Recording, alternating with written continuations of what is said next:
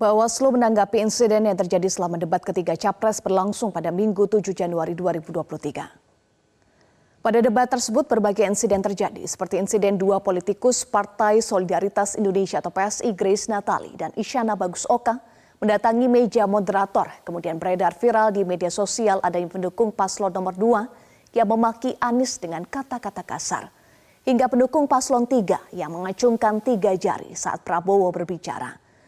Anggota Bawaslu Puadi menyatakan pihaknya belum dapat menyimpulkan apakah tindakan-tindakan tersebut sebagai pelanggaran atau bukan.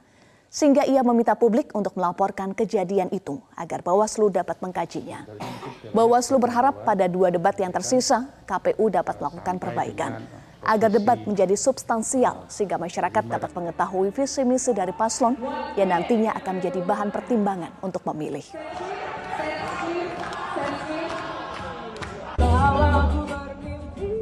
Mekanisme debat itu sudah uh, sesuai dengan uh, mekanisme yang uh, diatur oleh uh, aturannya.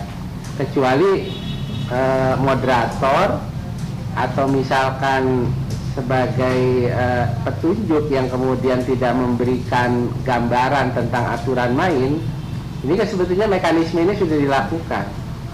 Ya kita tinggal uh, tetap ya hasil pengawasannya kita akan lihat kejanggalannya di mana seiring sejalan dengan uh, jika nanti memang masyarakat melihat ada informasi awal yang melihat baik itu di media, televisi maupun secara langsung tentang adanya dugaan pelanggaran silakan laporkan ke Bawaslu sehingga nanti kita akan lakukan kajian.